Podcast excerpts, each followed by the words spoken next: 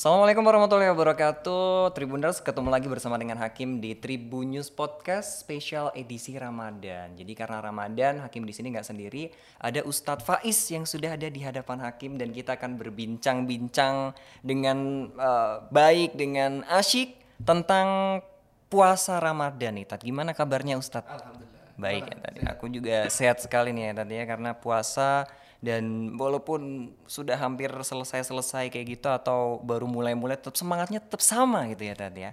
Oke, jadi di sini Tribuners kita akan membahas soal amalan-amalan sunnah di bulan Ramadan. Karena kita tahu ya tadi ya kalau Ramadan tuh salah satu bulan suci yang ada di dalam agama Islam di mana bulan itu penuh dengan amalan-amalan yang sangat eh, banyak pahala yang didapatkan.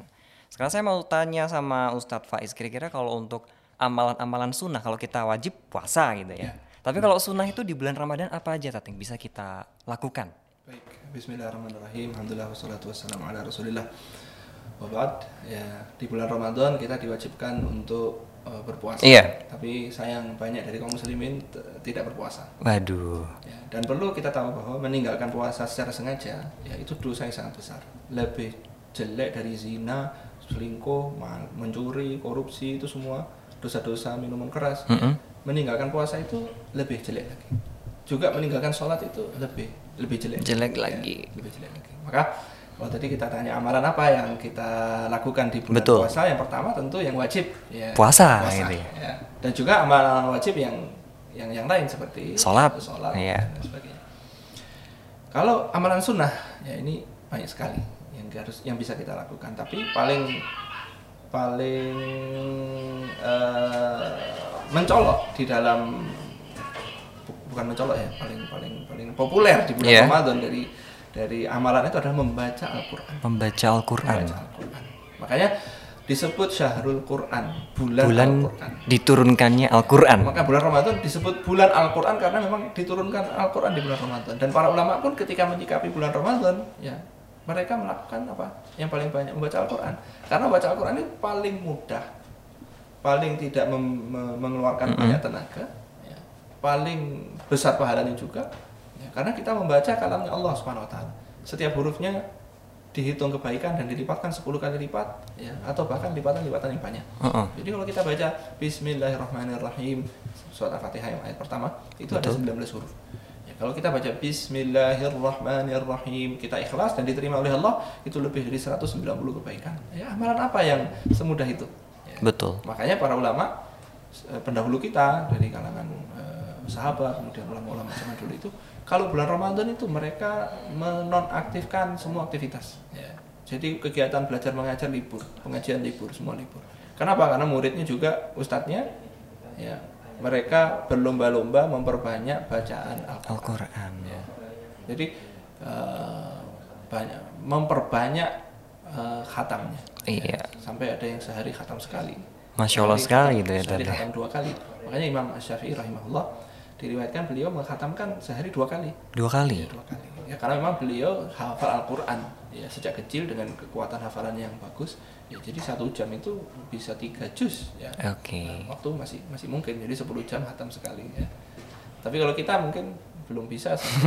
Sebulan sekali udah syukur alhamdulillah itu sekali. minimalnya ya minimalnya Iya. Kayak para ulama mengatakan jangan sampai sebulan kita itu tidak ada khatamnya sama sekali ya, tidak ada khatam sama sekali jadi minimal itu kita eh, satu hari satu juz minimal Satu hari satu jus berarti itu di luar bulan Ramadan ya Oke.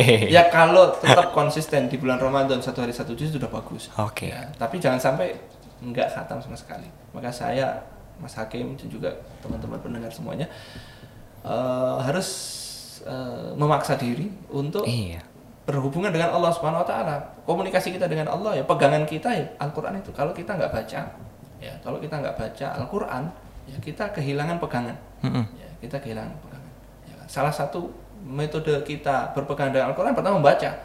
Ya, habis itu memahami, habis itu mengamalkan, ya, meresapi. Tapi membaca ini ya seminimal minimalnya ya, itu satu hari satu juz. Oke, satu hari satu jus. Jangan sampai lewat satu bulan kita nggak khatam.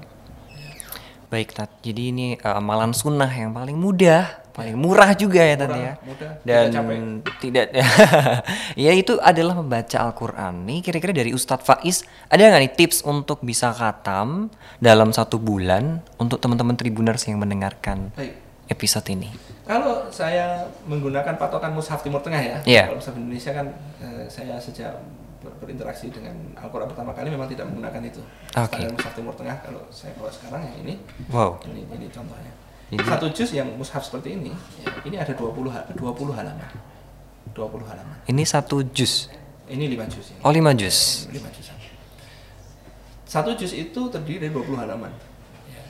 Kalau seorang membaca dengan lancar itu sekitar 20 menit ya, sampai 30 menit. Kalau membacanya tidak lancar itu sekitar 45 menit. Ya, kalau terbata-bata sekali itu sekitar satu jam. Iya. Ya, satu jam. Nah, kita ada lima waktu sholat. Kita ada lima waktu sholat itu bi- bisa manfaatkan. Silakan bagi satu juz itu di lima waktu sholat ini.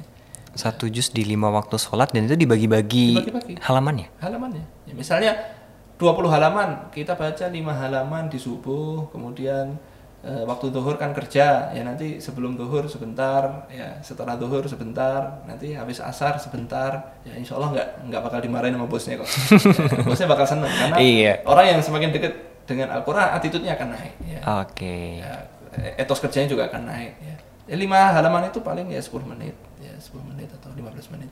Jadi Insya Allah tidak akan mengganggu waktu kerja. Ya, kalau maghrib mungkin susah karena buka, kemudian persiapan mau nanti- Tarawih. ya, nanti habis tarawih, ya, habis tarawih jadi eh, dibaginya empat ya berarti. Iya. Dibagi empat. Ya tergantung lah, masing-masing bisa membaginya. Ada yang nanti sebelum tidur, ada yang setelah tidur, ada yang ya, itu tergantung dengan kebiasaan. Tapi kembali lagi ke eh, yang tadi kita harus memaksa diri kita. Betul. Ya, harus memaksa diri kita. Kalau nggak kita paksa, nggak akan pernah kita nyentuh Al-Quran itu. Nggak akan pernah. Nggak akan merasakan khatam juga ya. Dad, ya? Oke, eh, selain ber membaca Al-Qur'an ya, amalan sunnah yang paling mudah itu kan membaca Al-Qur'an di bulan puasa ya, Tat ya. Kira-kira ada eh, amalan sunnah yang lainnya Tat yang mungkin bisa Doa, berdoa. doa. Doa di bulan Ramadan ini luar biasa. Eh, seorang yang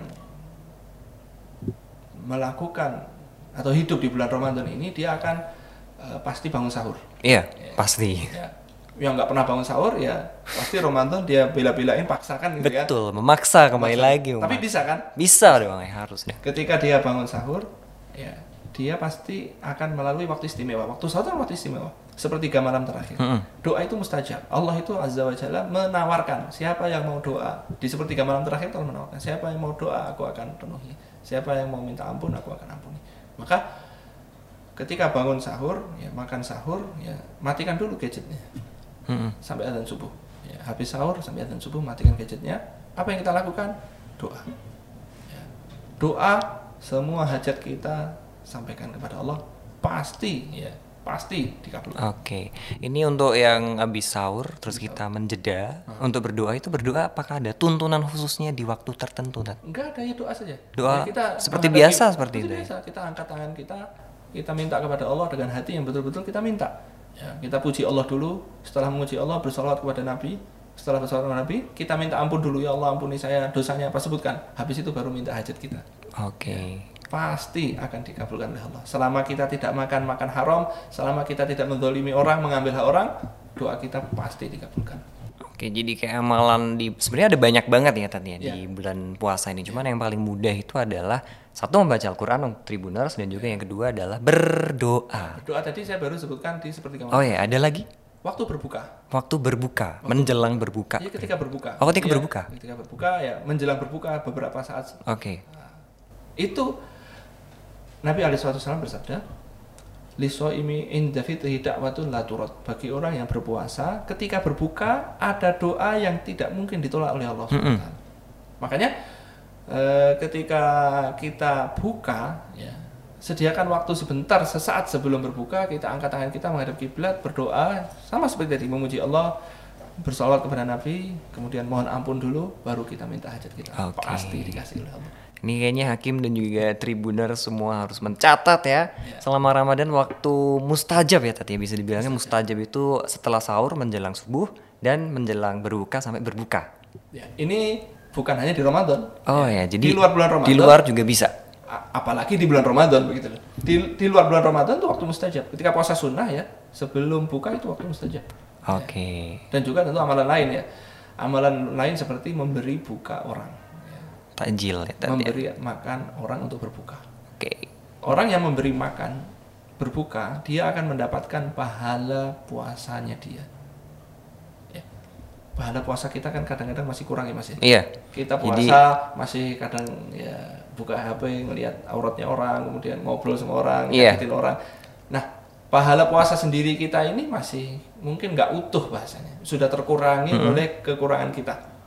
Kalau kita memberi makan orang untuk berbuka, kita dapat pahala kita yang yang yang kurang tadi Iya. plus dapat satu pahala sempurna. Iya, karena memberi takjil. Memberi makan orang berbuka. Iya. Ya, jadi dia dia berbukanya pakai makanan kita, kita dapat pahalanya dia plus Luar biasa sekali. tentu lebih lebih luar biasa itu pahala kita sendiri aja kurang kita dapat pahala orang Betul. ya secara sempurna. Jadi ini kita harus mencatat baik-baik ada tiga amalan masih banyak sebetulnya Ted ya. Tapi karena durasi kita ini terbatas jadi kita bisa uh, berkonsultasi lagi atau sharing-sharing lagi bersama dengan Ustadz Faiz dengan kesempatan di edisi Tribunnews Podcast yang lainnya. Dan untuk Tribuners terima kasih sudah mengenalkan Tribunnews Podcast edisi spesial Ramadan pada episode kali ini. Jangan lupa untuk terus mendengarkan Tribunnews Podcast hanya di Spotify Tribunnews Podcast dan juga YouTube tribunnews.com. Saya Hakim dan juga Ustadz Faiz pamit. Cuci tangan sampai bersih, cukup sekian dan terima kasih. Wassalamualaikum warahmatullahi wabarakatuh. Terima kasih sudah nonton. Jangan lupa like, subscribe, dan share ya.